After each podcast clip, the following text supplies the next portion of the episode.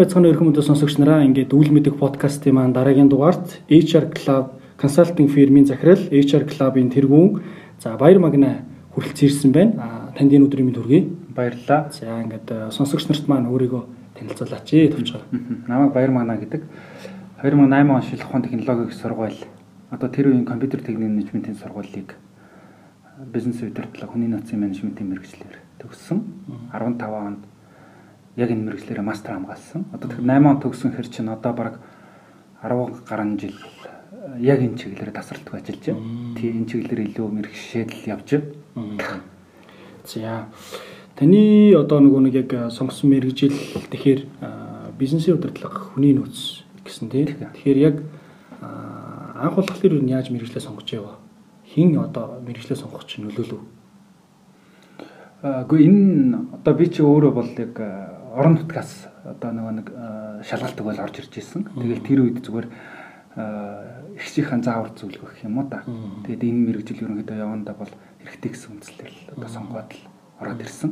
Тэгээд их үедээ бол ер нь ойлгохгүй явж байгаад одоо бол тий одоо мастраар сурцсан гэр чинь илүү яг зөвөрүүлэл судалсан байгаа даа. Тэр үед бол ямар ч ойлголтгүйгээр л орж ирж ирсэн. Анх ер нь нэг тиймэрхүү юм болон доо гэдэг нэг юм бүдэг бодог төсөөл ер нь байсан. Аа үгүй ер нь байхгүй байсан. 2008 он гэдэг чинь за 2000 ер нь энэ хүний нөөцийн менежмент гэсэн мэрэгжил чинь өөрөө маш шинэ мэрэгжил. Монгол улсад ч гэсэндээ одоо өмнө нь бол магадгүй боловсон хүчин гэж явж исэн бол одоо биш болсон байгаа.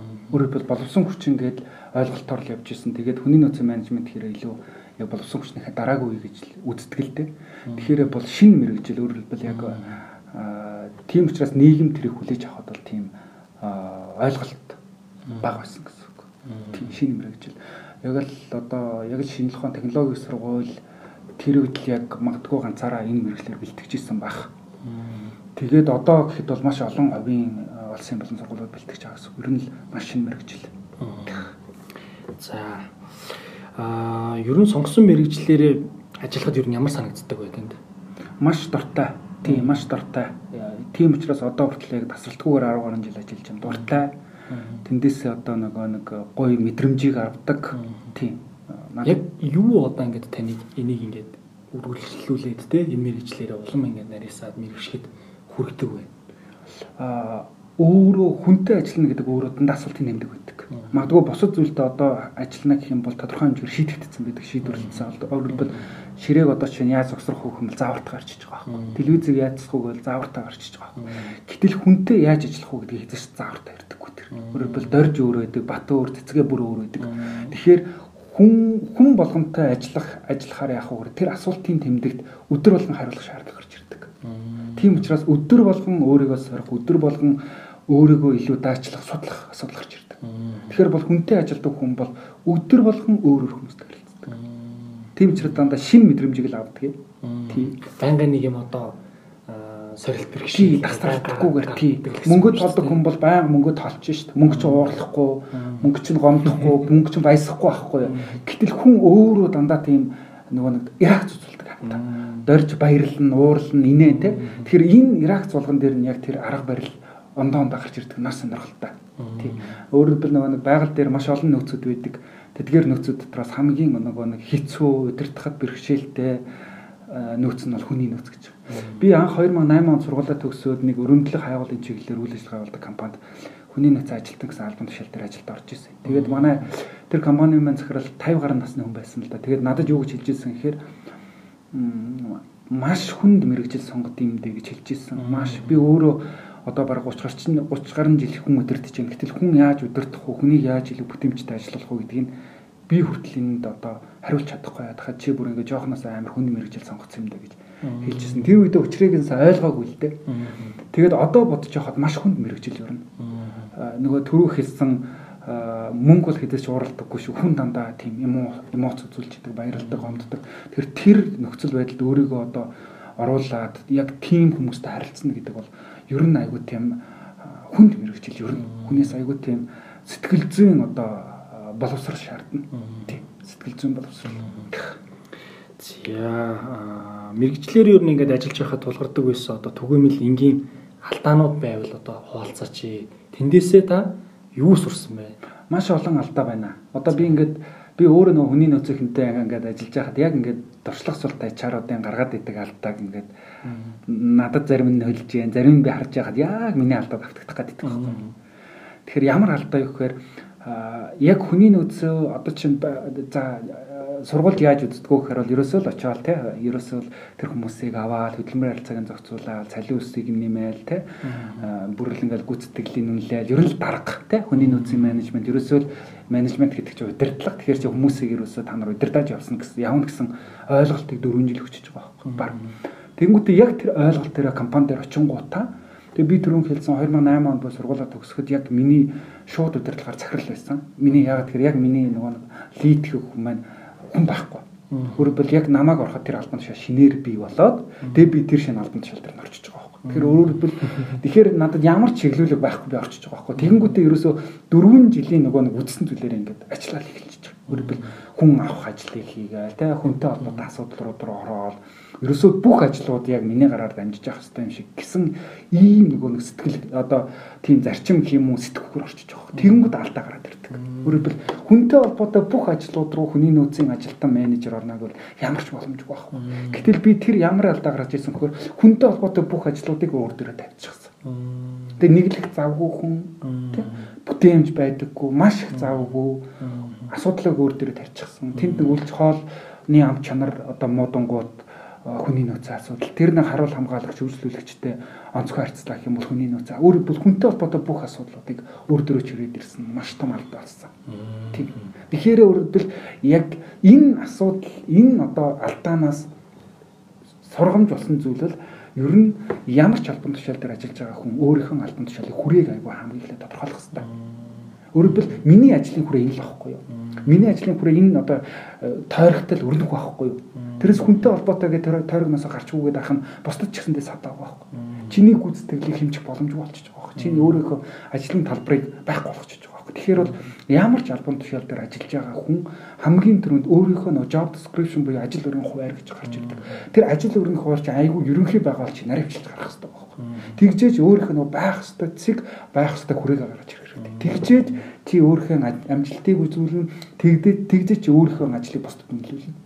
Тэгэхээр би HR-ууд одоо дуршлах суултаа шинэ HR-уудад хэлэхдээ ядг өгөхөр л миний алдааг битгий тавтаасаа гэж. Тийм учраас ерөөсө хүнтэй холбоотой ажил болгон хүний нөөц асуудал огт биш. Ерөөсөө л тэгэхээр ажлын хүрээг аягүй тийм тод гарах хэрэгтэй. Тэ өөрөөр бол хоолны амт чанар муудна гэдэг чинь чиний асуудал юм уу биш юм уу? Тэгвэл чиний тэрний дарга гэсэн хүн байгаа байхгүй юу? Гэтэл тэр хүнийг чи магадгүй ажилг болгоод байгаа байхгүй юу? Тэр хүнийг үнцэнгүй болгоод байгаа байхгүй юу? Тэгэхээр өөрөөр хэлбэл ажлын хүрээг айгуу зөв тодорхойлоод тэрнийхээ хүрээнд л ажил. Битгий гар, битгий дотгошоогоор. Тэр бол нөгөө ажлын хүрээ ямар шатбан тушаал дээр ажлын хүрээ гэдэг зүйл маш чухал. Харин тий би нөгөө нэг ингээ анзаарч байхад болохоор жишээлбэл миний ажил үргийн унтж болохоор одоо шил кофе зөөгч гэх юм уу тийм одоо тиймийг өргөх мөргөхч гэх юм уу тийм ороогүйсэн шүү дээ. Гэт ингээ зарим хүмүүс ингээ одоо миний митийн одоо нэг би ч юм бас нэг тодорхой хэмжээнд нэг удирдах юмд ажиллаж хахад айгүйх тэгж хэлдэг ус. Тэгэд ороогүй ч гэсэндээ чи үнэхээр одоо энэ команд үлдээх хүсч ивэл энэ хийх хэрэгтэй гэдэг. Жишээлбэл тухайн үед одоо мэдэхгүй юм чинь тэгэл хийчлээсэн байгаа байхгүй. Тэгэхээр нөгөө нэг түрүүний хэлсэнчлэн те тэр ингээд нөгөө нэг ажиллах хүрээгээ тэр яг ажил үргийн хуваараа аюу сайн яг тусгаж өгөх юм шиг байна тийм. Маш тодорхой. Маш тодорхой зүйлийг л бид нар тодорхой шаардна. Тодорхой зүйл дээр л хүн тодорхой амжилт гаргана. Ерөнхий зүйлийг хинч хэмжиж чадахгүй, ерөнхий зүйл дээр хинч ярьж чадахгүй. Тийм учраас одоо миний өмнө ажиллаж байсан нөгөө гадны хөрөнгө оруулалттай компани би тодорхой хугацаагаар ажилласан юм бар 2 жил гараа. Тэгэхэд ийм гадна одоо гадны экспатууд байна, гадна төгсч ирсэн залуучууд байна. Яг юм Монголын хөрсөн дээр гарч ирсэн залуучуудын хооронд ялгаа гарч ирдэг. Гэтэл гадны одоо жишээ нь боловсрал эзэмшээ залуучууд гадны экспатуудын одоо нөгөө хэлж байгаа зүйл маш тодорхой юм шаарддаг. Гэтэл манайхан нөгөө нэг илүү монголчууд өөрөө нөгөө нэг ерөнхий сэтгэлгээ нь одоо давмгаал цаардаг юм шиг. Нарийн зүйл хардаг. Тэ одоо тиймэрхүү л юм тэ тиймэрхүү л юм ерөнхийдөө тэ тэдийн үед тэдийн үед уулзъя тэдийн үед гэдэг нэг хэдэн цагийн тэ өөрөөр хэлбэл юм ерөнхий юм ярьдаг маш ойлгомжтой байдаг. Ерөөсөө л нэг сэтгхүүн өөр айгу ерөнхий ард юм шиг байгаа юм л та. Тэгэхээр маш тодорхой зүйлийг гаргаж өгсөн. Тий тодорхой. За. Тэгвэл одоо мэрэгчлэрээ та ажиллаж явах юм амжилттай хэрэгжүүлсэн сайн туршлага гэвэл та яг юуг нэрлэх вэ? Ямар туршлага ер нь бодит кейсийг та болцгоо. Аа би 2008 онд сургуулаа төгсөөд дөрвөн компанид амжиж ажилласан байдсан байл миний туршлага харж байхад 2017 он хүртэл гэсэн. Тэнгүү за компани мэдээж ажил өргөхийн хавьянд гаргаж ирсэн амжилтууд бол зөндөө байгаад байгаа. Тэгэхээр би бол компани амжилтыг бол харахгүй байгаа. Ягаад тэгэхээр тэндээс цалин авч ирсэн. Цалин авч ирсэн учраас миний хийх үүрэг нь байсан. Тэрийг үүрэг нь чанартай хийх байсан. Чанартай хийх нь магадгүй зарим тохиолдолд амжилт үзүүлсэн байхыг хүсэхгүй. Гэтэл яг энэ миний хувьд яг амжилт гэх юм бол энэ салбартаа юу хийсэн бэ гэдэг айгүй харах дуртай. Ер нь энэ салбараа хөгжүүлэх өөрийнхөө мэрэгжлийн хүрээл дундаа чи юу хийсэн бэ? Би тэгээ маш олон залуучуудын HR-ийнхнийхаа хүрээлт хэлтгэлтэй нэг компанид ажиллах гэдэг шалгуур асуудал. Энэ бол зүгээр л амар easy асуудал байхгүй ер нь айгүй тийм амар ажил. Гэтэл эргээд энэ нийгэмд юу хийсэн юм бэ? Яг энэ салбартаа чи юу хувь нэмэр оруулсан юм бэ? Эн чинь магадгүй бидний зорилго зэрэг байгаа байхгүй. Магадгүй 50 жилийн дараа 40 жилийн дараа одоо нөгөө нэг юм настай болсон үедээ би юу хийсэн юм бэ гэж өөрөөсөө асуух. Гэтэл би тэр компанид одоо нэг тийм албан тушаал дээр магадгүй тэр компанид дампуурсан ч гэж байна. Тийм байхгүй. Түүхэнд архив үүсгэн жаа тийм А гэсэн компани байж байгаад 2025 он татан богдсон гэлээлэх байхгүй. Гэтэл тэнд ажиллаж байсан хийж мэдэхгүй. Гэтэл энэ салбарын хөгжилд би ийм хомноор оруулсан шүү гэж ярих юм бол магадгүй бид нэр ирээдүйн хойч үедээ ярих тийм ярианы сэдв байна. Тэгэхээр би эндээ оруулсан хувь нэмэрх юм бол би 2011 онд HR Club гэсэн төрөмбс байгууллагыг байгуул одоо төрөмбс байгууллага бишээ HR Club гэдэг байгуулсан түүхэнд гэх юм бол энэ зүгээр л нэг нэг яг найзуудынхаа хүрээнд байгуулж ирсэн. Өөрөөр хэлбэл мэдхгүй чадахгүй. Бүгдөө л ингээд туршлах сул залуучууд нэг нэг байгууллах түүний нөөц албан тушаал дээр очсон гот асуух хүн байхгүй. Дандаа биенээс асуудаг гэсэн. Тэгээд ингээд цөөхөн найзуудын хүрээнд мэрэгжлийн хүрээнд явж байгаа гутаа энэ ингээд одоогоор баг 10 мянга 13 мянга орчим гişүүдтэй юм хүний нөөцийн одоо яг мэрэгчлэлтэн менежерүүдийг нийтгсэн юм төрийн бас байгууллага болсон байна л да. Тэгэхээр өөрөөр хэлбэл ийм энэ төрийн бас байгууллагыг яг 2011 оноос хойш 9 жилийн хугацаанд яг мэрэгжлийн чиглэлээр нь яг хөгжүүлээ. Тэр мэрэгжлийн чиглэлтэд илүү туршлага солилцуулах, би энэ тэгээ ийм нөгөө нэг мэдлэгээ хуваалцах илүү яг одоогийн боловсон хүчин гэсэн ойлголтоос нэг шат ахиулах ажил олгогчид энэ HR-ууд гэдэг чинь кофе зөөдөггүй зүгээр нэг захирлын дуслах биш зүгээр нэг царгааны ажилтан биш шүү гэсэн ийм нөгөө нэг ойлголтыг өгөхтэр тодорхой хэмжээгээр өөрөөсөө хонь нэмэр оруулсан гэж харж байгаа. Тий. Гэхдээ энэ амар тань хонь нэмэр оруулсан бол үгүй. Өөрөөр зүгээр л нөгөө нэг өөрийнхөө чадах чинээгээр л хүргэж байна бид нэр. Гэхдээ өөрийнхөө гэдэг нь хор маш олон мэдээж залуучуудын багийн тусламжтайгаар хүрж байгаа байхгүй. Тэгэхээр яа харахгүй нэ чарын энэ ийм бүлэглэлийг үүсгэж чадсан л яг энэ салбарт оролцсон хамгийн том хонь нэмэр болов гэж би харж байгаа. Одоо хэдэн гişүүдтэй мэж байна? Одоо бараг 13 мянга гарна. Бүгдээрээ одоо хүний нөөцийн мэрэгчлэр 2000 гэсэн үг. 2017 онд нэг судалгаа хийж ирсэн. 2017 онд судалгаа хийж байхад тэр судалгаан чинь нийтдээ нэг 500 гарan яг манай нөгөө нэг тэр үед чинь нэг 7000 орчим хүнтэй байсан уу юу? Тэгэхэд нэг 500 гаруй судалгаанд оролцсон. Тэгэхээр тэр судалгаанд оролцсон 500 гаруй хүний 80 орчим хувь нь яг HR-ын чиглэлээр ажиллаж байгаа хүмүүс байсан. Бусд нь ямар хүмүүс байсан гэхээр бол ийм өдөрт ажилтнууд байсан. Өөрөөр би HR-аар ажилдаггүй мөртлөө би компани нэг цөөхөн хүнтэй компани баг. Гэтэл тийм би HR-ын ажлыг хийх шаардлага үүсдэг. Нөгөөдөл нь хилтэс нэгж өдөрт одоо албаны удирдлагууд. Яагаад тэгэхээр тэд нар өдөр тутамдаа хүний нөөц ажил. Өдөр тутмын хувьда бүр өдөр тутамдаа аахгүй Өөрөлдвөл яагаад маркетинг эхэлсэн дарга гэсэн албан тушаал гэдэг. Тэд нар гараад туршлагаа хийдэггүй. Тэд нар гараад түгэлт хийдэггүй байхгүй. Гэтэл тэдний гол нөгөөд кий чиг үүрэг нь тухайн багаал амьдсан амжилттайгаар удирдах хэрэгтэй байдаг. Гэтэл тэр амжилттайгаар удирдах нь хүнээ сонгох, хүнээ урамшуулах гүйцэтгэлийн үнэлэх, хүмүүстэй ярилцах энэ бүх асуудал очив хүний нөөцийн менежмент чиг үүрэг байна. Гэтэл энэ чиг үүргийг нөгөө нэгжийн удирдлага чинь өдөр тутамдаа л хийж идэг. Өөрөө гэсэн. Зөв зөв зөв. Зя тэгвэл байна штэ тийм. Хүний нөөцийн сайн менежер гэж яг таны хувьд ямар хүнийг хэлэх вэ? Тий, энэ аюул тийм сонио ойлголт ирсэн. Тий, сайн менежер хэрэгтэй. Сайн менежер а одоо хүний нөөцийн чиглэлээр ажиллаж байгаа хүмүүсийг нэг мэрэгжлийнх нь аваад аваад гэхэд нэг гурван чиглэлийн хүмүүс аюу энэ ажлыг амжилттай хийгээд амжилттай бөгөөд тодорхой масс их хийгээд. Нэгдүгээр нь юм хуульч хүмүүс гэдэг. Хуульчтай. Яа харахгүй хуульчд яагаад орж ирж байгаа нэхэр хүний нөөцийн чиглэлийн албан тушаалын ажлын тодорхой хувь шүү хүмүүсээ. Бүгд тодорхой тийм их биш хөдөлмөрийн харилцаа толботой асуудал орж ирдэг. хөдөлмөрийн хуультай холбоотой. Тэгэхээр яхахгүй хүн хууль зөртэй одоо хүмүүс бол хүний нөөцийн чиглэлээр гэх юм бол төрөлжих юм бол хөдөлмөрийн харилцаа тал руу илүү сайн ажиллаж байна. Хоёр дахь тэнгууд нь хууль зөртэй одоо хүмүүс ажиллаад байхад яаж яах вэ? Айгуу тийм хатуу байгаад идэг. Яг байгууллага дээр хүний нөөцөөр одоо ингээ жаахан хатуу байгаа тий хатуу байгаа хүмүүсийг би ингээл цаатлын суур боловсролын харангуй хоолж байгаа байхгүй. Ийм амар диктатуртай дүрм журманд амар их барьдаг. Тэгээ ерөөсөө л юм дүрм журмаар яг хоолшиг мөрдүүлэх гэдэг байна. Гэтэл амьдрал дээр хизээч тийм байдаггүй байхгүй. Хизээч тийм байдаггүй. Нөгөө нэг хуулийн чин дүрмийн чин нөгөө нэг зөрчих гэж үүсгдэг гэхчээр эн чинь хүний амьдрал байхгүй. Хүний амьдрал. Өнөөдөр бат арих уусан байж болно. Уг нь дотоод юм дээр халмаар байгаа байхгүй. Тэ? Гэтэл энэ бат чинь айгүй сайн манай ажилтан байхгүй.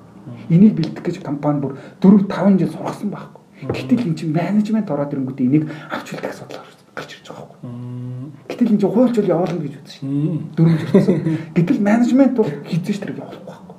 Энд чинь 4 жил бид нар боломж олгоё. Боломж олгоно. Харин энийг боломж олохдоо яаж боломжийг олгох вэ? Хамт олон донд нь яаж тэрийг одоо зөвөр илэрхийлэх вэ? Энийг яаж одоо нөгөө нэг өөрийг нөгөө өөрөөр нь ухамсарлуулах уу гэдэг ч юм. Энд чинь менежмент асуудал байна. Тэгэхээр бол хуульч хүмүүс энэ салбарт орж ирж байгаа гэсэн. Хоёр дахь чиглэл нь энэ багш багш хүмүүс багтдаг. Одоо энэ Монгол Улсын боловсролын их сургууль төгсөөд ирсэн багш нар хүний нөөцийн чиглэлээр орж ирж байна. Гэтэл хүний нөөцийн менежментийн өөрийнх нь бас нэг тодорхой чухал чиг үүрэг бол хүмүүсийг сурах үүрэг гэдэг. Ажилтнуудаа сургаж хөгжүүлэх асуудал байна.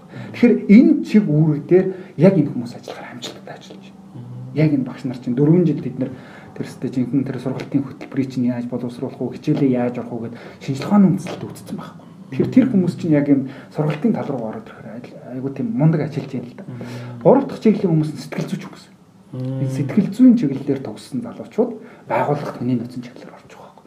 Энэ айгуу тийм зөв одоо айгуу тийм миний хувьд харж байгаагаар айгуу тийм сайн жишг байх үүсэхгүй гэж харж сайн жишээ. Тэгэхээр сэтгэл зүйч хүмүүс илүү байгууллага дээр яаж вэ? илүү сонгийн шалгуур тал руу орж ирж байгаа. Илүү өөрийгөө нөгөө шинжлэх ухаан сэтгэл зүй дээр суралцах, суурилах маягаар хүмүүсээ байгууллагад авч штеп. Тэгэхээр бол сэтгэл зүйч, хуульч, багш нар орж ирж байгаа. Гэтэл яг мэрэгжлийн менежмент буюу хүний нөөцийн менежмент гэдэг нь яг эдний голчоор орж ирж байгаа. Сэтгэл зүйн чиглэлийн ойлголтуудыг авцсан байхгүй. Жижиг авцсан. Хуулийн чиглэлийн ойлголтуудыг жижиг авцсан. За тэр нөгөө сургам буюу тэр сургалтын талын ойлголтуудыг тэртээ дэргүй системд нь өөр оролцсон байдаг. Тэгэхээр бол энэ чиглэлээ хослуулаад гарч ирэхээр эн чинь аягүй тийм миний харж байгаа хамгийн тийм мэрэгсэн менежер гэж харж байгаа. Мэрэгсэн менежер. Энэ гурыг л ерөөс энэ гурвын тогтолцоо тогтолцоо одоо нөгөө одоо юу гэдэг лээ дээ. Одоо юу огтлцол. Сэтгэл зүй, хууль, юм сургалт. Энэ гурвыг л менеж хийх асуудал үүсдэг байхгүй. Тэнгүүд Түрүү нөгөө нэг мэрийг менежер гэж хэллээ. Хүний нөөц хамгийн сайн мундаг. Менежер гэдэг чинь өөрөө удирдлага байхгүй. Гэтэл нөгөө нэг би бол мэрэгжилтэн гэсэн утгаар нь тайлбарлаад байна. Өөрөөр хэлбэл хамгийн сайн мэрэгжилтэн гэдэг бол мэрэгжилтэн гэдэг чинь бүр мэрэгс тухайн чиглэлээр мэрэгсэн байгаа. Менежер гэдэг бол мэрэгсээгүй байж болно. Зүгээр л тэр нөгөө 10 хүнээ зөв лид хийж лээвэл энэ чинь менежер шүү дээ. Чи яг хүний нөөцийн одоо бага зөв чиглүүлж ажиллаж ивэл тэр хүн хүний нөөцийн хүн байна уу, хуульч байна уу, бүр инженер байна уу, хинт ч байгаа Тэгэхээр бол мэрэгжилтэн сайн хүний нөөцийн мэрэгжилтэн гэдэг бол энэ гурвынхаа огтлцол дээр зогсож чаддаг. Нөгөө талаас сэтгэл зүйн хувьд би хүн тал руугаа хэлбэсэн байх хэрэгтэй хэрэгтэй гэж харж байгаа. Хүн тал руугаа хүнийг ойлгодог. Хүнийг сонсдог. Тэгээ нөгөө нэг одоо намайг одоо сургууль сурж хахад манай багш хэлдэг байсан. Ажилтан ажил олгогч хоёроо ингээ гүүрэн болох хэрэгтэй Тэ? Ажилтнуудын хэрэгцээ шаардлага гэдэг бол илүү магадгүй зүгээр энэ өрөөсгөл байж магадгүй ерөнхийдөө шүү хүмүүс амин баг цалин их цалин аваад илүү баг ажиллах илүү тийм сэтгэл зүйн өөрөө тийм ийм нэг савст амтан байхгүй чинь. Нэг төрлийн амтан шүү дээ чинь өөрөө. Тийм сэтгэдэг боддог. Тэгмэд ажил болгочвол нөгөө талаас магадгүй их ажиллаулаад баг цалин өгөх баг урамшуул өгөх энэ хоёрын одоо яг могтолцол дээр нөгөө хүний нөөц хүн чинь гараад ирж байгаа байхгүй ажилтнууд нэг юм ярина захирал нэг юм байна. Гэтэл энэ хоёрыг менеж хийнэ гэдэг чинь хүнээс маш том ур чадвар шаарддаг байна. Тэгэхээр энэ хоёрыг зөв хийж чадчихл байгаа тохиолдолд энэ мэрэгч менеж мэрэгчлэлтэн байхгүй яа. Сайн мэрэгчлэлтэн. Зарим тохиолдолд мэдээж гүүр гэхээр аюул сайн.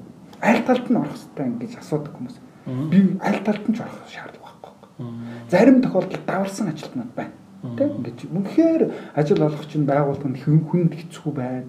Үнэхээр боломжоор хангаж өгч явахад дур зоргоор ажиллаад одоо ингээд байгаад идэг бол үнэхээр дас зөх хэрэгтэй байхгүй. Тим ажилтнуудыг тий. Ийм тохиол ажил олгохын талд орох хэрэгтэй байна. Гэтэл ажилтнууд нь өөрхийдөө зайлал боловсрал эзэмшээгүй, хөснийг нь лавдаг, илүү долоо юм ярьдаггүй. Ингээд тийм нэг нэг ийм зүг хүмүүсээ тэлээрээ байх юм бол ажил олгох буюу захирлаас нь янз бүрийн хуультай холбоотойгоор тэднэрлүүгөө зориулсан тийм нөгөө нэг таатай биш зүйл ярих юм бол уучлаар ажилтнаа талд орох хэрэгтэй байхгүй. Тэгэхээр энэ бол гүүр гэхээсээ илүү яг юм менежер ажил орж ирж байгаа. Тэгэхээр өөрөлдвөл хүний нөөцийн менежмент энэ мэрэгжил байхгүй юу? Тэр зүгээр л нэг 45 хоног суугаад төгсчдөг мэрэгжил юм биш байхгүй. 21 сураад төгсч. Магадгүй зүгээр баримжаа авч байгаагаас биш энэ аюу тийм өрөөсгөл байгаа. Тэгэхээр л нөгөө менежмент мэрэгжил гэдэг чинь нөгөө нэг юм жор байхгүй Та байдаг бол гоё юм л та. Би юу гэжсэн нэг нэг захиралтай уулзаа сууж исэн чи ярин тэр тэгжсэн. Аа одоо ч тэгээд юу сайн хүний нөөцийн мэрэгчлээ болоход хэцүү болж байгаа гинэ. Тэгэхээр юм одоо тэгээд зөндөө олон хүмүүс төгсөөд байгаа юм шиг энэ чинь тэгээд 45 хоногт мангас сурч. Үгүй ээ тэр 45 хоног сурж байгаа хүний ямар одоо мэрэгчлэлтэн гэхвдээ хэцүү шттэ. Тэгэл яг хөө зүгээр бичиг цаас хөтлөж сурж байгаа. А гэхдээ яг нарийн тийм детальны үг бол мэдэхгүй байгаа би бол тэгж бол одоо тэгэл өөрөө зүтгэхэд байгаа гэдээ ирж ирсэн л та. Тэгэхээр нөгөө нэг түрүүний хэлсэнчлээ яг энэ чиглэлээр мэрэгшиж байгаа одоо залуучууд байвал энэ чиглэлээр мэрэгжлийн яг эзэмшээрээ гэж би бас тий уриалмаар байна. Тэгээд түрүү одоо нөгөө хүмүүсийг асуудаг байхгүй юу? Эн чин 4 жил сурсан 21 хоног 45 хоног сурсан ялгаа нэг гол ялгаа нь юу юм бэ? Би нэг л үг хэлдэг. Нөгөө номын дуугийн сонссон ногоотой шилийн нууцсан шаал өөр гэдэг байхгүй бүр анги гэдэг байхгүй. Ядахта бид хоёр ярьж хахад дунд нь орчуулагч хийх шаардлагагүй байхгүй. Мэргэжлийн үг хэллэгийг чөлөөт хүлээж авдаг байхгүй. Гэтэл нөгөө нэг өөр төвшний хүмүүс бол зайлшгүй дунд нь би орчуулга хийж үе тайлбар болж ирдэг. Гэтэл бид нэг хэлээр ярьдаг. Тэгэхээр л нөгөө ногоотой шүлийн нугаар номын дуг сонсцсон гэдэг чинь шаал өөр байхгүй бүр. Тэгэхээр бол ямар ч мэрэгжил байна мэрэгжлүүдийг үүсгэж болохгүй юм гэсэн. Тэгэхээр номын дугийг сонсч яг тийм тогонд чанагдах хэрэгтэй би таны нөгөө нэг ингээд урьж явахдаа нэг юм айгүйх асууя та гэдэг юм бүр юм бодсон байхгүй. Тэр маань болохоор юу гэхээр карьер төлөвлөлт гингууд нэг ерөнхий ойлголт байдаг тийм. За альбан тушаал ахих. Хамгийн энгийн ойлголт нь альбан тушаал ахих. Эсвэл баг цалингаас их цалинтай ажилд орох. Эсвэл дотоодын компаниас олон улсын компанид орох гэдэг ч юм уу тийм. Энийг ингээд карьер одоо биш нэ хийж ийн гэж ойлгоод байдаг тийм. А тэгвэл яг одоо таны мэрэгжлийн зүгээс энийг яг юу гэж тодорхойлсон байдгийг юуг ер нь карьер би ягч ийн гэж ер нь өөрийгөө бас үзэх юм те. Тэр тал дээр та юу те. Карьер төлөвлөхөөр монгол руу орчуулах юм бол альбан тушаал төлөвлөлт гэж яваад байгаа. Альбан тушаалын төлөвлөлт. Тэгэхээр альбан тушаал төлөвлөлт гингүүд яг өөртөө чинь адилхан ойлголттой байна л да. Нийтлэх хүмүүс. Өөрөөр дээшийг ахих хэлж байна. Дотоодын компаниас олуулсан компани ажилтан байж байгаа дарах болох ч юм. Үгүй байхгүй. Альбан тушаал ахих гэдэг бол 360 тийш шилжих зүйл.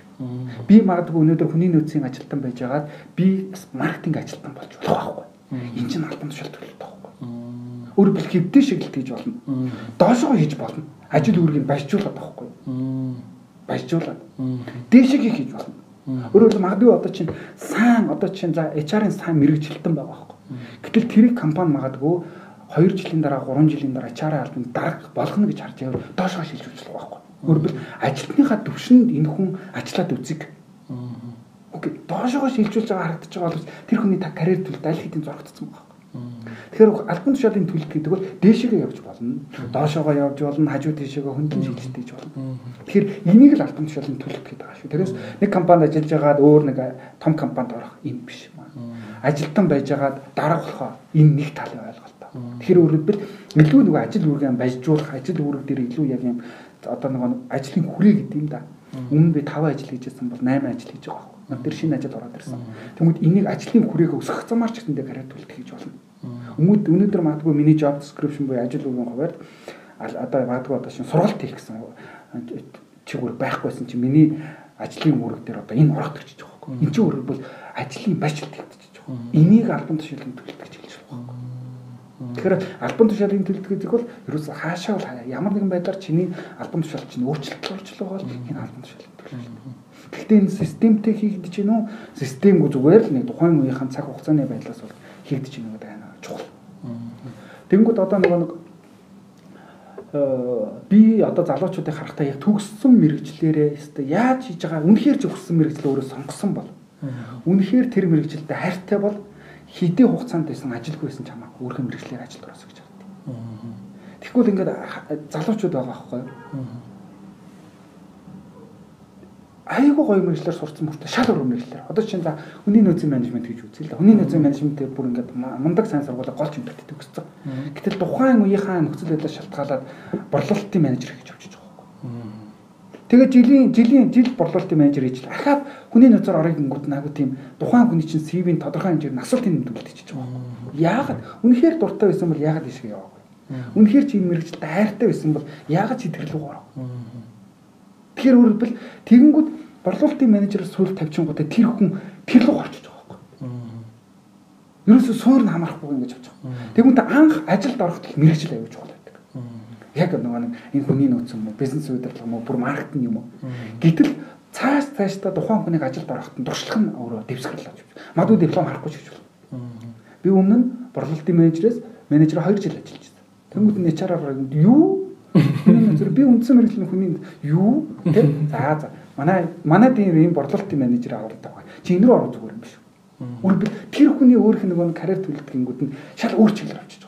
Тэр би залуучуудад хэлэхдээ яг чи үнэхээр тэр мэрэгжилтэй хайртай дуртай хүсэж байгаа бол ажилгүй байсан ч чи 4 жил ажилгүй байгаад байсан шүү дээ. Хагас жил ажилгүй байхад одоо юу нь болохгүй байгаа гэдэг. Хагас жил тэгвэл ингээл нөгөө татаасараа тата авчих л та. Тэгээд өөрийнхөө хүссэн ажилд орол тоо.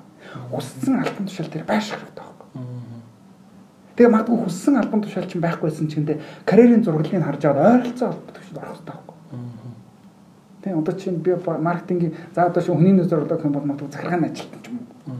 Тэ одоо бичиг хэрэг ажилтан ч юм уу. Энд чинь яхаа тэр карьер руу альбан тушаал руу очих нөхөс шаал хөндлөн борлуулалтын ажилтан байж чад хүний нөөц рүү очих нь байхгүй. Магадгүй борлуулалтын ажилтнаар очсон бол маркетингаар явах суурь болох юм. Тэр өөрөлдөл анхны тэр мэрэгжил ажил гэдэг бол ерөөсөө хүний карьер төлөв тэр ажил амьдрал ажлынх нь тэр нөгөө нь бүр тавьдагчдаг юм шиг Тэгэхээр өөрөөр чи үнэхээр тэр мөрөжлөлт хайртай бол нөгөө хагас жил ажилгүй байсан ч хамаагүй. Тэмцэл хэрэгтэй. Тэр оронд хагасгай ажиллаад хэлдэг гэсэн. Тийм. Тэгэхээр ер нь бол карьер төлөвлөлт гэдэг бол тодорхой хэмжээнд өөрийнхөө мэрэгжлийг одоо баг хэмжээнд ч гэсэндээ тий багаас нь өсвөлээд одоо энэ хүрхийг хүрэхтэй энэ дэр нь явандаа харцсан байдлаар явах нь тий шат дахиж одоо өөрийгөө мэрэгших нь мэрэгшүүлэх нь гэсэн үг шүү дээ. Тэр нь ер нь бол ингээ карьер төлөвлөлт гэж байна. Одоо жишээ нь магадгүй миний одоогийн альбом тушаал англи хэлний чадвар шаарддаг гэж байна. Гэтэл миний 5 жилийн дараа 10 жилийн дараах очих альбом тушаал аль хэдийн TOEFL-ын оноо шаардсан гэж байна. Тэгвэл би одооноос тэр тэр хэмжээнийхээ ур чадвар өстэй гэсэн байхгүй. Гэтэл өнөөдрийн компаниудын байгууллагын сургалтын систем нь тэр өөрийнх нь хувь хүмүүсийн нөхцөл байдал тэр яг одоогийнхын түвшин харахад гаралдаг. Одоо чинь худалдагчид нарт зориулсан сургалт гэдэг Гэтэл худалдагчийн дараагийн албан тушаал магадгүй одоо чинь худалдааны менежер байхгүй. Гэтэл худалдааны менежер хийх менежерийн ур чадвар нь хөхгүй байхгүй. Тэнгүүд нь худалдагчийн сургалтыг өстэй 100 цаг явуулсан маш сайн худалдагч байхгүй. Гэтэл эргээд худалдааны менежер уу менежер болоод ирэнгүүтээ наал Тэгээд нөгөө нэг тийм үг үүдэн штэ сайн мэрэгч, сайн эмчж байхгүй, сайн одоо захирлж байхгүй болно гэдэг шиг. Өөрөөр сайн худалдагчж байхгүй, мууд менежерч болчих. Тэгээ манай монголчууд ч нэг альбан тушаал нэг тагчин гута болохгүй байна. Нөгөө хуучин дээр ч очиулах логог гаргаж авчдаг. Аа бас нэг юм юу тохиолдол байдаг шүү дээ. Одоо ингээд тодорхой хэмжээнд тэр хүн өөрийгөө одоо жишээлбэл ингээд чадваржуулаад би нэг энэ чиглэл рүү ер нь явж байгаа гэдэг. Одоо төрөний тэр карьер гэж байгаа тийм байдлаараа магадгүй хийгээд тодорхой хэмжээний 5 жил ажиллаад, 2 жил ажиллаад, 3 жил ажиллаад тийм ингээд шилжилт хийгээл яваад байгаа шүү дээ. Өөр компаниуд руу. Тэрийг ер нь юу гэж харах вэ автомат их айгу сонио ойлголт. Өмнө нь одоо жишээ байгууллагууд хүмүүсээ доктор барих асуудал дээр айгу чухалчил тоосдог байсан. Одоо ингээл доктортай ажиллаад байхаараа айгу сайн байгаад байна гэж харж байсан тийм. Гэтэл энэ нь магадгүй доктортай ажиллаад байхаараа эсэргээрээ зүгээр гарч ирж байна. Одоо шинэ би нөгөө миний танилцуулга хийж байгаа HR consultant firm гээд өнгөрсөн жил манай дээр нэг захиалга орж ирж байсан байхгүй. Тэгээд тэр захиалгыг манайх авч чадаагүй л дээ. Үнэхээр дуршлах сод бутсан. Тэгсэн чи яасан гэхээр тэр бол нэлээд олон ажилтнтай. Тэгээ ямар захиалга вэхээр 7-оос дээш жил ажилласан нэг албан тушаал дээр байгаа хүмүүсийг яаж явуулах вэ? Одоо нөгөө нэг юм ажлаас нь чөлөөлөх гэдэг нь шүү дээ. Өөрсдөө бид нар чинь чөлөөлөх. Бид нар чинь алдаа байхгүй байхгүй юу? Тэгэхээр тийм хүмүүсийг яаж одоо ингээд эвтэхнэр явуулах вэ? Гэтэл тэр хүмүүс байгаад ирэхээ бай ингээд олон байгаад ирэхээрээ эн чинь нөгөө доороос хүмүүс гарчихгүй байхгүй юу? Шинэ хүмүүс орж ирэхгүй шүү дээ. Нэг одоо шинэ маркетингийн нэг менежер гэсэн албан тушаал дээр нэг бат гэсэн нөхрөл 7 жил болчихж байгаа байхгүй юу? Тэр хүнээс юу гарч ирж байгаа юм бэ? Аль хэдийн гарах зүйл нь дууссан байхгүй юу? Гэтэл үнэхээр сайн байсан бол нөгөө төрөүний илгээр хөвтэй юм уу дээшээгээ ч юм уу шилжих байсан байхгүй. Гэтэ шилжиж чадаагүй ямар нэг хөдөлгөөн хийгээгүй нэг албан тушаал дээр удаад ирэх болов Харвардын сургуулиас хийсэн нэг судалгаа байдаг. Өөрөөр хэлбэл хүн 2 жил нэг ажлын байран дээр байхад хамгийн тохиромжтой бус гэж үздэг хугацаа. 2 жилээс дээш болоод ирэнгүүтээ мэдээж эн чинь албан тушаал болгоноос өөр байгаа шүү хүмүүсээ. Мэдээж эмч мэмж, инженерийн нарийн мэрэгчлүүд бол мэдээж тэр чинь он цаг явагдсан маань тийш мэрэгшиж байгаа. Тэ? Гэтэл нийтлэгдээ шүү. Нийтлэгдээ ийм 2 жилээс дээш болоод ирэнгүүтээ тэр хүнээс ийм тав тухтай зоон руу орчдөг гэж тав тухтай зон руу орчихор хүмүүс яадаг вөхөр бол тэр хүмүүсээс алдаа гардаггүй тэр хүнээс амжилт гарах магадлал борчдөг гэж үздэг. Тэр бол 2 жилээс дээш ажиллаад ирэнгүүтээ хүмүүсээ ямар нэгэн байдлаар хөдөлгөөнд оруулж явах хэрэгтэй. Магадгүй одоо чинь өмнө магадгүй кофе аяалах гэсэн чиг үүрэг байдаггүй байсан бол 2 жилээс дээш болсон ажилтнуудаа өмнө магадгүй кофе найруулах үүрэг байсан бол тэрийг аваад одоо чинь кофе аяалахын нөхөх Өөрөлдөл албан тушаалын өөрчлөлт ухаамахад ядахта ажлын байран дээр ажил үүргийн хуваарлтыг шинжилж их хэрэгтэй. Тэгэхээр бол одоо нэг өмнөх одоо чинь үе гэх юм одоо одоо ингээд ингээд generation гэл амар Z Y my ингээд амар олон үе юм яриад нь шүү дээ. Гэтэл одоо жишээ нь 70 оныхон 60 оныхон за 80 оны ихэнх юм одоо доктортой ажиллахаар амжилттай байсан. Нэг байгууллагад доктортой ажилладаг тийм. Тэгжээж амжилт гаргах сэтгүүтэй байсан бол одоо сүүлийн үе одоо шо 2000-аас хойш үеийн залуучууд бол үгүй байхгүй. Тэр нь доктортой ажиллах ойлголт байхгүй болчихж байгаа. Өөрөлдөл илүү яг юм өөрөө сорьсон, ажлын сонирхолтой тийм одоо э, ажил дээр ажиллаж байна л да. Тэнгүүд эн чинь нэг жил гарan ажиллаа ч юм уу ажлын сонирхол болонгуудаа дараачихын төсөл рүү ч юм уу өөр ажил руу шийдэж байгаа байхгүй. Гэтэл эргээд тэр хүмүүсийг тогтоом барих ажил болохгүй болчихж байгаа. Өмнө магадгүй чинь хүмүүсийг тогтоом барихтаа байр авж өгнө, машин авж өгнө, хүмүүсийг сургалтанд хамруулна гэсэн байсан бол окей энэ арга зам чинь байх болчихж байгаа байхгүй. Магадгүй одоо сүүлийн залуучууд дээр үнэхээр одоо жишээ нь дөржирч хийсэн ажиллаж байна. Чи манай сайн ажил бол 5 жилийн дараа байртаа болно гэх юм бол бид нар уучлаарай гэнэ. Өөрөөр тэр хүмүүсийн сэтгэл зүй тэрийг доктортой аж тэрийг хүлээж авах систем байхгүй болчихж байгаа. Тэгэхээр өөрөөр маш тэгэхээр одоо нөгөө байгууллагууд нөгөө удаан хугацаанд хүнийг доктортой ажилуулах гэсэн менежментээс салаад одоо үүр чиглэл рүү орох шаардлага үүсэж байгаа байхгүй. Тэр нь яаж бэхээр богино хугацаанд тэрх залуучууд яаж илүү бүтэмжтэй ажиллах вэ? Доктортой ажиллах гэдэг ингээл нэрөө барах хэрэггүй байхгүй. Тэрийг гардаг гэдэг нь нэлээд шүрч хэрэгтэй байхгүй. Эдгээр чинь магадгүй жил гарan за өсрээд 2 жил болоод гардаг шүү. Гэхдээ энэ гарах энэ хугацаанд нь яаж тэр хүмүүсийг бүтэмжтэй ажиллах вэ? Тэгэхээр ийм олон байгууллага солиод солисон гэдэг нь магадгүй өмнө магадгүй зарим HR-уудын хувьд тухайн хүний хувьд сул тал гэж үзчихсэн бол энэ одоо өрөөсгөл зүйл байхгүй. Чинь маш олон байгууллага солисон. Окей, тодорхой нэгэн шалтгаантай л байгаа шүү дээ. Тийм тэгэхээр бол тэр нь магадгүй тухайн байгууллагаас болсон байж магадгүй тухайн хүн өөрийнхөө нөгөө нэг нөх хөрсөн олсон үедээ цэцэг одоо дэлбэлдэг гэдэг шиг магадгүй тэр хөрсөн үгүй байсан ч болно шүү дээ. Өөрөх нь хүлээгээд байсан, хүсээд байсан одоо өгүүлж исэн компани хамт олон биш байх үсэхгүй байна. Тэгээд тэр хүн өөрчлөсөн байж харин зоригтой байгаа байхгүй юу. Гэтэл ингээд өөр таалагдахгүй ажил 10 жил хийнэ гэдэг бол тухайн өөр таалагдахгүй хамт олон дундаа 5 жил ажиллана гэдэг бол нөгөө нэг байна. Стрессийг өөртөө одоо ажлын байрны стрессийг бий болгоод стресс нь өөрөө тэр өвчлөлийг бий болгоод гэж байна. Тэгэхээр бол шилжилт хийдэг гэдэг зөвшөөрлөл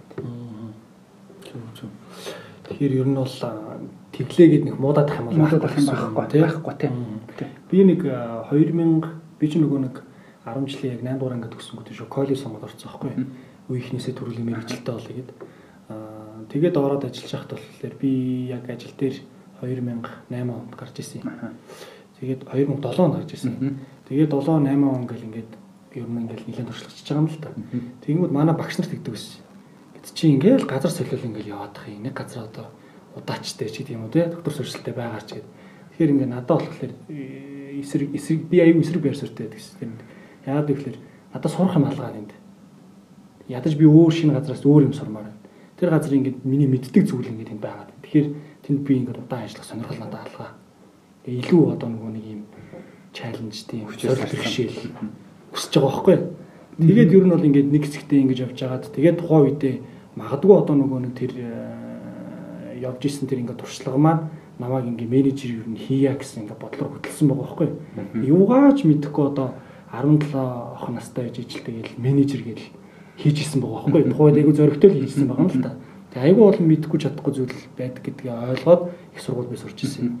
Аа тэгээд тухайн үед нөгөө нэг манай багш нар ингээ харааддаг гэсэн. Тэгээд яг сүүлд нь хэлж хахад нэрэл чиний бас ингээд нөгөө яагаад ингээд шилж идсэнийг ингээ сүүлд л одоо ингээд оюутнуудынхаа ингээд үе үеэр ингээд харж ин да та нар шиг нэр стожинг ингээ нөгөө ажлыг ажил шиг ингээ хийдэг хүмүүс залуучуудын үе ингээд ер нь бол их цөөрч эхэлж ийн гэдэг тухайн үед ярьж ирсэн. Тэгээд тэр үед манай ангийнхан ч гэсэндээ ер нь бол ингээд хөвчлэн нэг газараа доктор сурчилтаа гэдэг байдлаар явж исэн. Тэгээ ингээ харахад надаас сүулдэж менежер их болсон байдаг байхгүй юу. Би арай төрүүлээд үзсэн. Тэгэнгүүтээ их сургуульд ороход үжээ нөгөө нэг менежер хийхэд нэг юм юм алдаа болдог доо. Энийгээ сураад авчи. Энэ багш юу хэлж байна? Өө энэ надаа яг тэр нэгтлэн бод бүртгэлэн дэрэг зааж энэ да. За би тэгвэл ажил дээрээ юу гэж хийх вэ? Тавар ажиллангаа сураад байгаа шүү дээ. Тэгэнгүүт ингээ надад аягүй туршлага тэр ингээ тухайн үед болж исэн. Яг нэг хэрэгтэй авах юм аа багш нараас аваад заримдаа ингээ нөгөө нэг манай багш нар жишээлбэл миний асуусан юм хариулж чаддгүй байсан. За яг наадгыг чинь болохоор за юу судалгааны дараа яриа гэдэг юм уу. За наадгыг чинь ингээ судалж байгаа ч гэдэг юм уу. Тийм байдлаар ингээ хэлдэг байсан. Тэгээ тухайн үед чинь нөгөө интернет чинь нэг 2010 оноос хойш л ер нь нэлээд идэвхтэй хүмүүс хэрэгэлдэг болж эхэлсэн шүү дээ. Тэрнээс өмнө бол ер нь бол интернетийг бол ашиглаж баг мэдхгүй Тэгээд их хвчлэн дандаа нэг юм банкнуудад байдаг гэсэн санагдтыг. Тэгэхээр нөгөө нэг төрөний тань хэлсэн те мэрэгжлээ одоо ингээ нөгөө нэг зөрөгтэй солиод яг өөрийнхөө тэр карьерийг харж чадчихвэл зөрөгтэй солиод тайлбар туршлага хөрмөлүүлээд явах нь чухал юм те.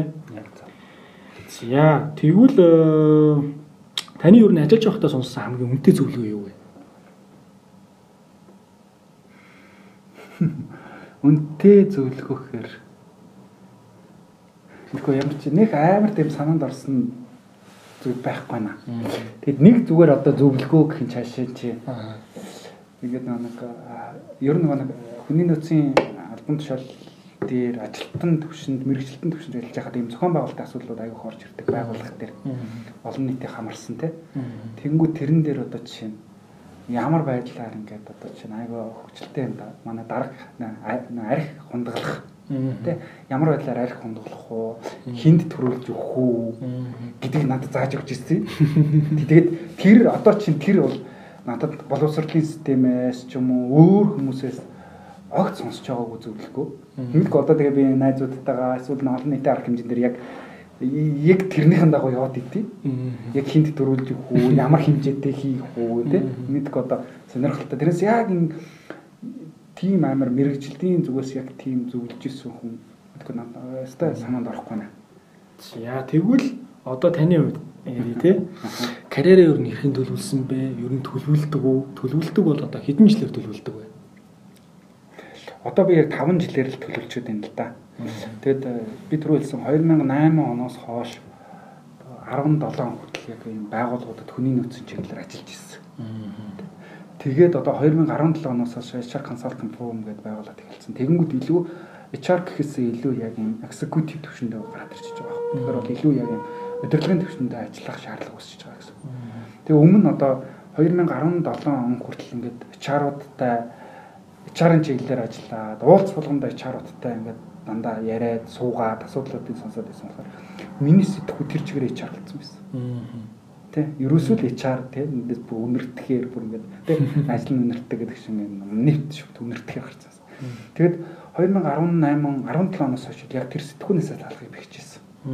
Өөрөөр байгууллагын удирдлага гэдэг бол HR гэдэг бол хүний нөөцийн одоо удирдлага гэдэг бол ширээний зүгээр нэг бол байхгүй.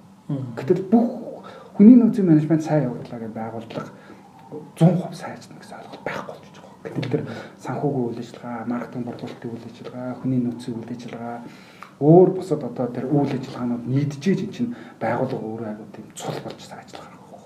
Тэгэхээр бол одоо би өөрөө одоо нөгөө 5 жилээр төлөвлөдөг гэдээ харсан 2017 оноос хойш бол одоо 2020 он гэхэд нөгөө гүйцэтгэх захирлын ур чадваруудыг өөртөө одоо ингээд бий болгох гэж ажиллаж байна. Тэгэхээр бол миний цаашдын карьер бол яг мэдээж HR дээр зориулсан консалтинг үйлчлэг мэдээж явна.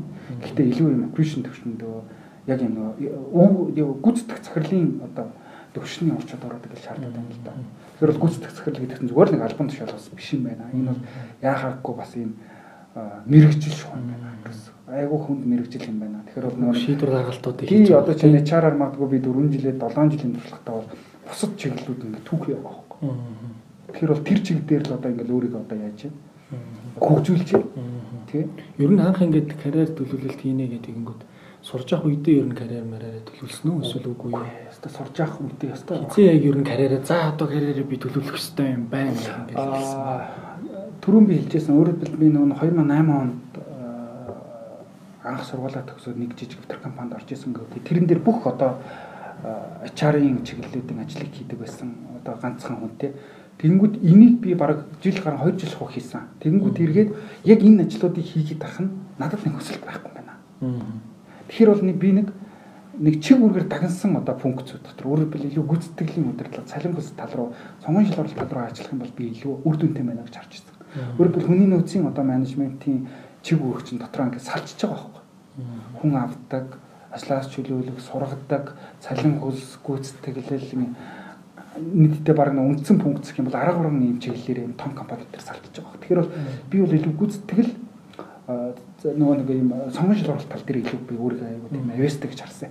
Тийм учраас тэр чиглэл рүүгээ илүү өөрийгөө хөгжүүлэе гэж хараад би нөр өмнөх компаниас гараад яг тэр чиглэл чиг бүрээр дагансан компанид ажилд орчихсон. Тэгээд тэрүүгээр л яг одоо тэр үеэс л хэлж юм карьер зурглалыг төв сан гаргаж ирсэн дээ. Тэгээд эргээд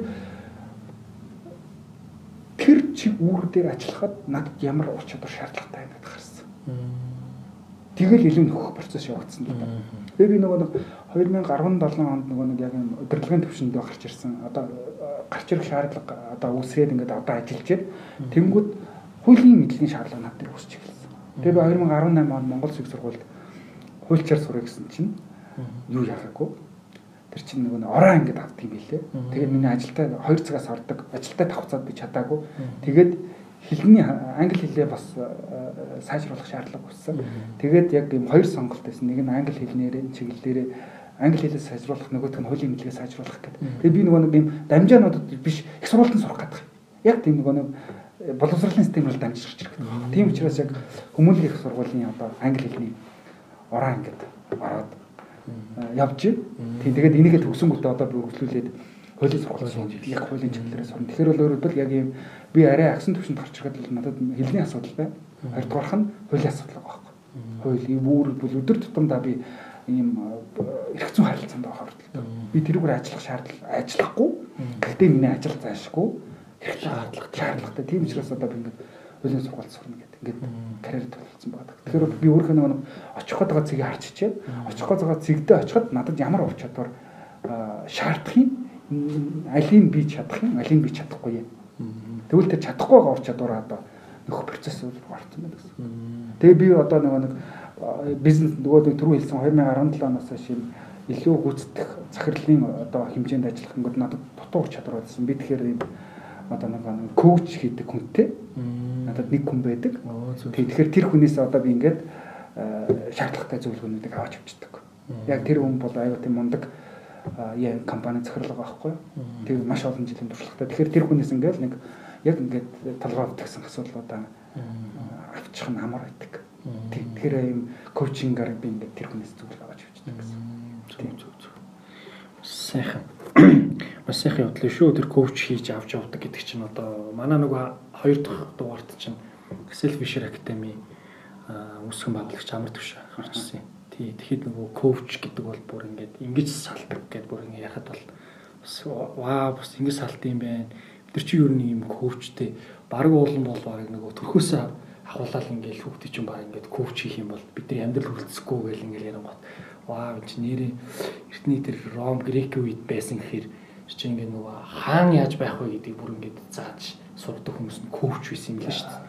Тэгэхээр нөгөө бид нар яалтчгүй одоо нөгөө коучтэй байх те ёстой. Ёстой юм шаардлагатай. Харин тий. Тэгээ сүүл бас нөгөө нэг эдрийг нэг подкаст дээр би номин гэдэг нөгөө нэг карьер коуч тий. Тэрнтэй ярилцж байгаа ажлыг харж байхад нэрээд нөгөө нэг эдрийг өөрөө байн бай хэлсэн байхгүй. Аа ингээд би болоо яг номонгоос өөрөө зөвлөгөө ингээд авдаг тий коуч төлбөртэй коуч хийлгдэг. аа гэдэг жисэн. Тэгээ тэр үед нэрэл айгу зөв юм даа нөгөө нэг яах вэ яах вэ гэдэг ингээ нөгөө өөрөөсөө асуулт ингээ хариулт ингээ хайгаад олох гээд байгаа биш тий. Үшээ ингээд нэг 10 20 жил 30 жил ингээд үзээ туулцсан тий. За одоо нэг иймэрхүү наадах чинь юм дээр ингэдэм да гэх ингээ нэг тий. Яг тэр нэг чухал үед нь тусалцаа тийм тусалцаа үзүүлчихэж байгаа хэрэг тий. Тэгээд одоо миний хувьд болохоор яг хүний нөөцийн чиглэлээр хоёр чиглэлээр одоо коуч гэдэг юм уу, тусалцаа гэдэг юм уу үзүүлж байна. Нэг нь болохоор яг юм альбан гэсний биш. Тэ одоо над дээр окей өөрөөс чи ингээд би ингээд зүлгээ авч явж юмар байна. Гэт. Тэгмүүд хүний нөөцийн одоо ажилтан мэрэгжилтэнгүүдэд ингээд яг юм зөвлөгөө өгж явж бат хугацаанд. Нөгөөх нь яг юм гүйцэтгэх захирлуудад бас. Гүйцэтгэх захирлуудад би ямар чиглэлээр одоо тэрэн дээр тусалцаа үзүүлж байгаа зөвхөн хүний нөөцийн чиглэлээр. Тэр чинь шал өөр чиглэлийн нөхөр байгаа байхгүй? Тэгэхээр бол тэнд тусалцаа үзүүлж байгаа тэгэхээр бол энэ нь одоо чинь айгуу тийм нөгөө нууцлцсан зэрэглэлтэй юм явагддаг. HR дээрээ ч зарим тохиолдолд нууцлалтай гүйцэтгэх захирлууд бол айгуу нууцлалтай байдаг тэгэхээр бол энд ингээд хөвчөд байгаа Би ингээл мэдэхгүй зүйл интернет ухаж ингээл цаг хугацаа аваад мэдээж ухуул гарч ирэх л байх л та. Ном уншаал ингээл хугацаа хайрын цаг хугацаа байхгүй. Тэ. Гэтэл тэр дуршлагыг чинь тэрэн дээр бичээгүй байхгүй. Тэгэхээр л ингээл чаддаг мэддэг хүмүүс тусалцаа авчих амар тийм. Би өөрөө тусалцаа авч ял би бас тусалцаа хүмүүст өгч байгаа байхгүй чаддаг зүйл. Тэгэхээр энэ коучинг бол заашгүй хэрэгтэй байхгүй. Зүг зүг. Зя ер нь ингээд нөгөө карьерийнхаа туршлага өөгдөхөөс ингээ хуваалцаач юу наах ажлын гараа хаанаас эхлээд тэгээд яг одоогийн HR consulting фирмийг байгуулва тий. Тийм түрүүлсэн 2008 оноос бол хоош ажиллаж байна гэдэг. Тэгэхээр бол 2008 онд орсон компани маань жижигтэр компани байсан нийт 60 орчим хүний бүрэлдэхүүнтэй хүний нөөцийн албан тушаал шинээр бий болгож авч ирсэн. Тэнд бий удаа жинхэнэ хүнтэй холбоотой бүх ажлуудыг гардан хийж ирсэн бүх одоо чиг бүрэг дээр нь ажиллаж байлаа сургууль сонгон шалгаар болоод те. Цалин хөл сөлбөр харилцаа гэх тэндээс би маш олон ур чадваруудыг би өөртөө тийсэн суурьуд айгуу сайн тийсэн тэгээд түүний дараа бол ийм чиг бүрээр дагнсан том компанид ажилд орсон. За тэгээд маш олон хүнтэй том компанид ажилд ороод тэгээд илүү мэрэгшиж эхэлсэн. Тэгээд дараачихан одоо байгууллага бол гадны хөрөнгө оруулалттай компанид орсон тэгээд гадны хөрөнгө оруулалттай компанид ороход надад ийм амьдрал тохиолдож байгаагүй ер нь хүмүүсийн одоо амьдрал тийм их тохиолдод байдаггүй тийм ийм соёллууд дээр би аягүй савлгаатай орсон лээ. Тэдний чинь бараг би 3 жил ажилласан уу тийм орчин баха. Гэтэл намайг ороход болохоор хөрөнгө оруулагч нь австралчууд байсан. Тэнгүү тийм болохоор яг гүйцэтгэх захирал нөр австрал хүн. Тэгэхээр яг менежмент нь австрал. Тэр чигээр гадны менежмент явж байсан. Тэгээд тэр хөрөнгө оруулагч нь солигдоод юу болсон? Нөгөө нэг монголчууд ороод ирсэн. Тэнгүүд гүйцэтгэх цагаар солигдсон Монгол ороод ирчихэж байгаа. Тэнгүүд нөгөө өмнөх соёлжийн өөрчлөлт эхэлсэн. Тийм одоо чинь өмнө ямар соёлтой байсан гэхээр бол одоо тэр гадны одоо тэр барууны соёл дээр тэр компани жил орчим би яг тэр соёл дээр нь ажиллахад яаж исэн гэхээр миний ажил руу хинч ордоггүй юм. Одоо чинь ингээл би дулмааг авах гэж байгааг л захирал дээр Монгол компанид л авах гэж байгаа гэхээр нэг дүүгээ гарцсан юм шиг ахыг оруулах гэж байгаа юм шиг цалингийн нэмэх гэж хахад ингээл заашгүй тайлбар надад шаарддаг. HR-уудаас тий. Одоо яадаг магнагийн цалин нэмүүлэх гэж байгаа гэл тэнгууд нөө захирал яагаад нэмгүүлэх гээд байгаа яасан хийсэн. Энэ хүнийг авах гэж байгаа юм уу? Яагаад авах гээд байгаа юм тий. Айгу баталгаа хараасаа. Гэтэл тэр одоо соёл дээр бол хизэж тийм зүйл шаарддаггүй. Энэ хүний цалин нэмүүлэх гэж байгаа гэхэд окей шууд тушаалan зурагдана. Энэ хүнийг авах гэж байгаа шууд гарна. Өөрөлдвөл тэгэж нөгөө нэг HR-ын одоо чиглэл нь юм бидаасан маягаар явж ирсэн. Тэгээд эргээд яадаг вөхөр бол би нэг удаа тэр захирлаас авч үзсэн байхгүй. Яагаад энэ дээр ийм амар ихтгэл явагдд юм бэ гэдэг. Тэгсэн чинь та нар мэрэгчлэн хүмүүс эзэдэй. Би мэрэгчлэн биш баг. Та нар мэрэгчлэн энэ ажлыг би хийж чадахгүй учраас энэ ажлыг мэрэгчлэн хүмүүс нь хийх учраас энэ баг ажиллаж байгаа ийм хүмүүс ажиллаж байгаа. Тэгэхээр алдаа гарвал та нар хүлээ. Тэгэхээр бол би энэ багт орохгүй. Өөр бэлгийн боломжийг өгчөж байгаа болохоор илүү хариуцлагатайгаар ажиллах шаардлага гарч ирдэг. Тэгээд ажил өргөн хуваар нь маш тодорхой. Өөрөөр магадгүй миний ажил өргөн хуваар нь хэрэг цэвэрлэх гэсэн чигээр байхгүйсэн би тэрийг зоригтойгоор хэлдэг.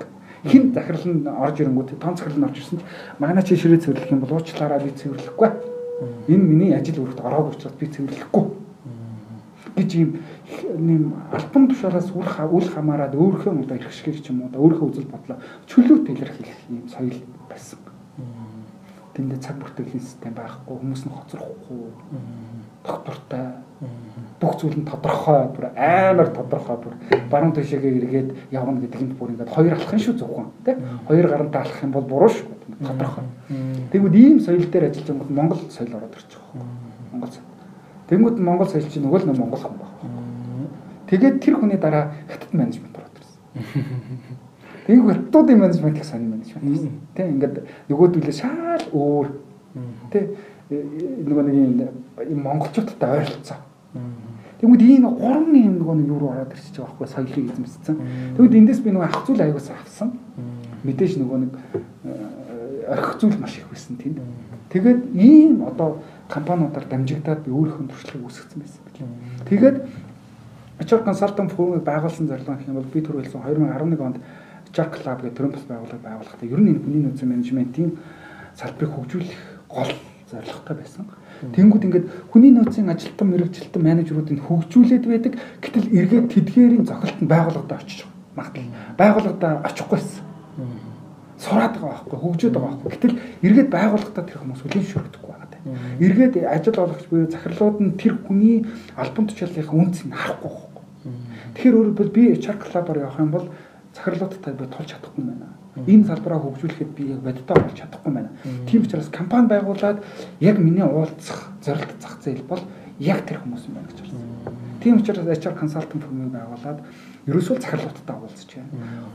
Ойлгохгүй байгаа захирлуудад ойлгуулж байна. Хүний нөөцийн менежментийн ач холбогдлыг нь ярьж байна. Одоо би нэг цагийн сургалт хийдэж штэ. Манайхыг авах авахгүй нь ерөөсөө хамаа байхгүй. Ядгатаа энэ хүнийхээ альбом тушаалыг үнц нь гаргаач. Тэгэхээр бол өөрөөр яг захирлуудад л яг хүний нөөцийн менежмент ач холбогдлыг ойлгуулах зорилгоор байгуулж байна. Тэгээд HR consultant firm-ыг нэг зорилго нь хоёр дахь зорилго нь ерөөсөө юм өнөөдөр Монголд маш олон хуулийн этгээд бизнесийн байгууллагууд байгаа боловч 80 орчим хүн нь одоо тийм жижиг дунд бизнес хийж байгаа юм байна. Одоо ийм цөөхөн хүнтэй 30 хүнтэй 20 хүнтэй 40 хүнтэй юм. Гэтэл энд мэрэгжлийн хүний нөөцийн ажилтан байдаггүй. Гэтэл ийм хүмүүст туслах хэрэгтэй байна. Өөрөөр хэлбэл хачирх гээд байгаа, хөгжих гээд байгаа тэр компанид томрох гээд байгаа байхгүй. Гэтэл тэрэн дээр хүнтэй холбоотой асуудал дээр мань хүмүүс хамаг байдаг цаг хугацаа өөрийнхөө нөгөө нэг юм нөгөө амжилт үзүүлэх талбараасаа халиад тэр ажил руугаа ороод эхэлчихэж байгаа байхгүй. Тэнгүүтээ компанич томрдоггүй, ажилтнууд нөх олигтой явдаггүй. Тийм учраас тэр хүмүүст бид нар тусалцаа үзүүлнэ. Өөрөөр илүү яг хөгжиж байгаа бизнесүүдэд бид би одоо манай компани бол HR-ын тусалцаа үзүүл. Өөрөөр хүндээ битгий санаа зовоо Өмнөх нь асуудлыг бид нэр хийе. Тийм учраас манайх одоо юм авсурсан болон консалтинг гэсэн сургалт хэлбэр мөрчлөгнүүд явуулж байгаа. Тэрнээс илүү жижиг компаниудаа дэмжлэг үзүүлээ. Нөгөө талаас яг ажил олгогч буй захирлуудад ийм үнийн нөөцийн менежментийн ач холбогдлын талаарх ойлголтыг нь өсгөх юм. Тэгээ магадгүй 5 жилийн дараа 10 жилийн дараа гэхэд бол энэ ойлголт нь өсөөд яг тэрэн дээр байх хэрэгтэй хүмүүс байд юм байна. Энд чи яг ийм хүрээнд ажилладаг юм байна. Энд чинь маш үнцэнтэй юм байна. Ойлгоос гэж харж байгаа. Ойролцоогоор одоо танай компани нууц шүүл тийм хідэн одоо үйлчлүүлэгч компанитай одоо нүүрт болж ажилласан байна. 2017 оноос авч яхаа одоо харахад бид нэр 90 гаруй ийм компанитай ажиллаж урт богл урт болон богино хугацаагаар урт болон богино хугацаагаар. Тэгэд манай хамгийн гол хүчлэг бол манай авсорсон хүчлэг байгаа байхгүй. Өөрөөр хэлбэл 30 хүнтэй 10 хүнтэй 20 хүнтэй компани нэг HR байх шаардлага байхгүй. Гэтэл тэр 20 хүнтэй 30 хүнтэй компани бэртээ тэргүй өндөр цалин өгч чадахгүй нэгт. Хоёрдугаар гэх юм бол team компанид яг мэрэгжилсэн дуршлагатай хүн ирсэхгүй байхгүй. Тэр чинь тэр том компанитай шилэн тийм гоё хавсанд бол байна шүү дээ. Зүгээр нэг таван ширэн булангийн бүр өстө эргээд эргээд эргээд эргээд нэг улаан таасган байшин байгаа гэдэг шиг компанид очихгүй байхгүй юу. Гэтэл team компаниудад л бид нар авсарсан гүйцэлж. Өөрөлдөл илүү яг team team хүмүүсийн авах одоо нөгөө нэг ур чадварыг танаад л.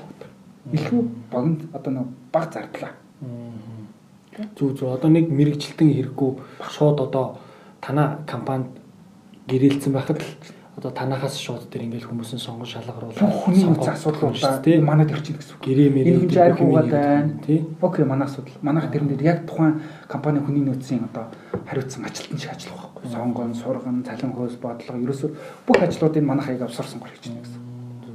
Тэр нь айгүй амар байгаа байхгүй. Тэгвэл ингээл нэг нөхрийг ингээл нэг ур чадвар муутай хүнийг л өөдөөсөө харуул суулгачаал энэ хүнээс сурах гал чиглүүлэх гэ хамаг нэрөө орж яхаар ерөөсөө л дүн ч юм бол гэрээ чинь цуцлан явахгүй юу. Амар амар. Тэгэхээр энэ үйлчлэг бол айгүй тийм нэг хөгжиж байна Монголд. Тэгэхээр ийм одоо маркетингийн аутсорсинг тийм хүний нөөц аутсорсинг, IT-ийн аутсорсинг, санхүү нягтлан бодох. Одоо чи манай компани чинь тийм том компани биш. Тэгмэд нь манайх нягтлан аутсорсинг хэлдэг байхгүй. Зүг зүг зүг. Юу харин одоо ер нь ингээд нөгөө компаниуд их өөр болж байна л да. Өмнө бол ингээд нөгөө бүх бүгдээрээ супер дупер байх хэрэгтэй гэж ойлгодог байсан бол үгүй одоо яг энэ салбарыг салбарт нь ингээд бүр ингээд чанагдцсан ийм нөгөө нэг эсвэл байгууллага эсвэл нөгөө нэг тэр ингээд мэрэгчлэтнээс яг тэр ингээд нөгөө нэг үйлчлэгийг авах нь айгу зөв юм байна. Тэрнээс ингээд би бүгдийг чадахгүй мэн гэдэг ингээд баг одоо хүлэмжшүүрч эхэлж юм гэж би хараад байна л да. Тэгэхгүй болохоор ингээд нөгөө чаддаг гэдэг ингээд юм болгонлоо ингээд ороод ивэл бидний нөөц бол хязгаартай шүү дээ тийм. Бид нар хизээч бүх зүйлийг төгс сурна байхгүй тийм.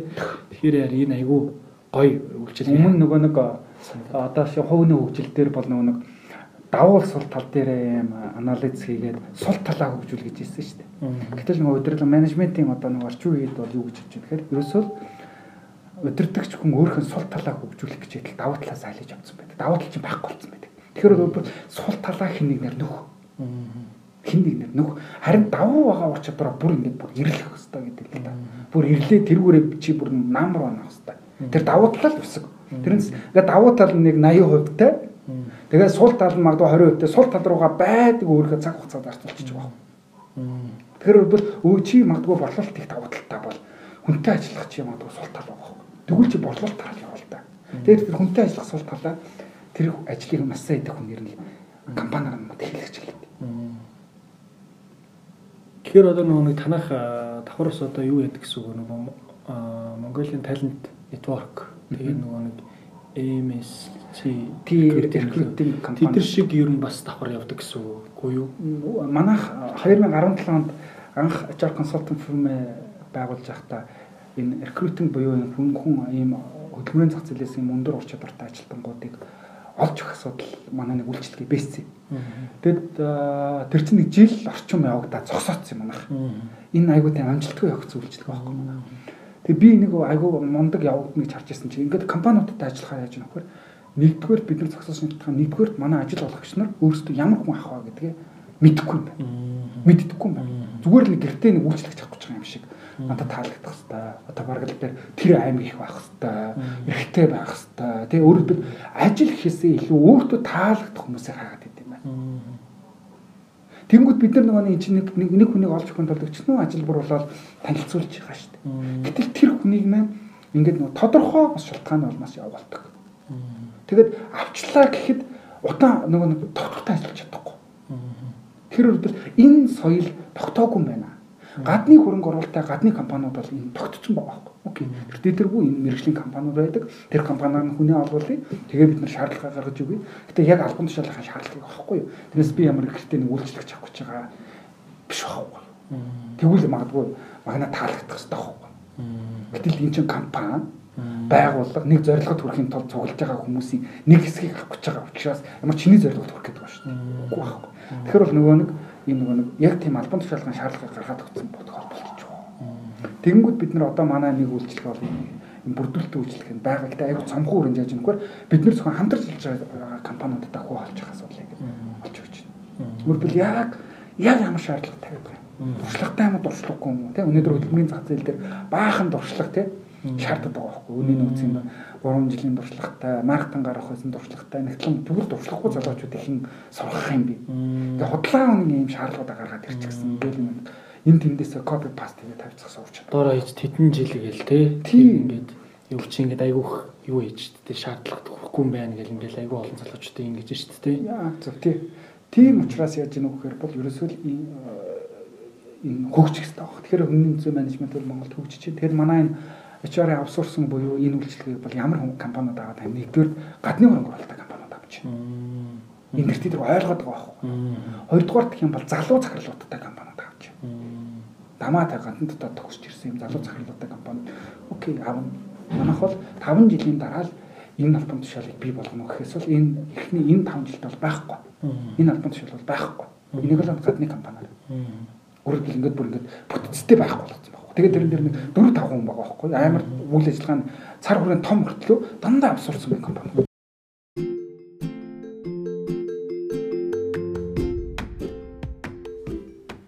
За танд маш их баярлалаа. Энэ удаагийн дугаарт маань HR Consultant фирмийн захирал HR Club-ийн тэргүүн Баяр Магнаа оролцлоо. Ажилт нь өндрөөс өндөр амжилтыг хүсэн өрөө мөн хүний нөөцийн чиглэлээр сурах гэж байгаа, ажиллах гэж байгаа залуучууд байвал энэ бол заавал сонсох дугаар шүү. За маш их баярлалаа.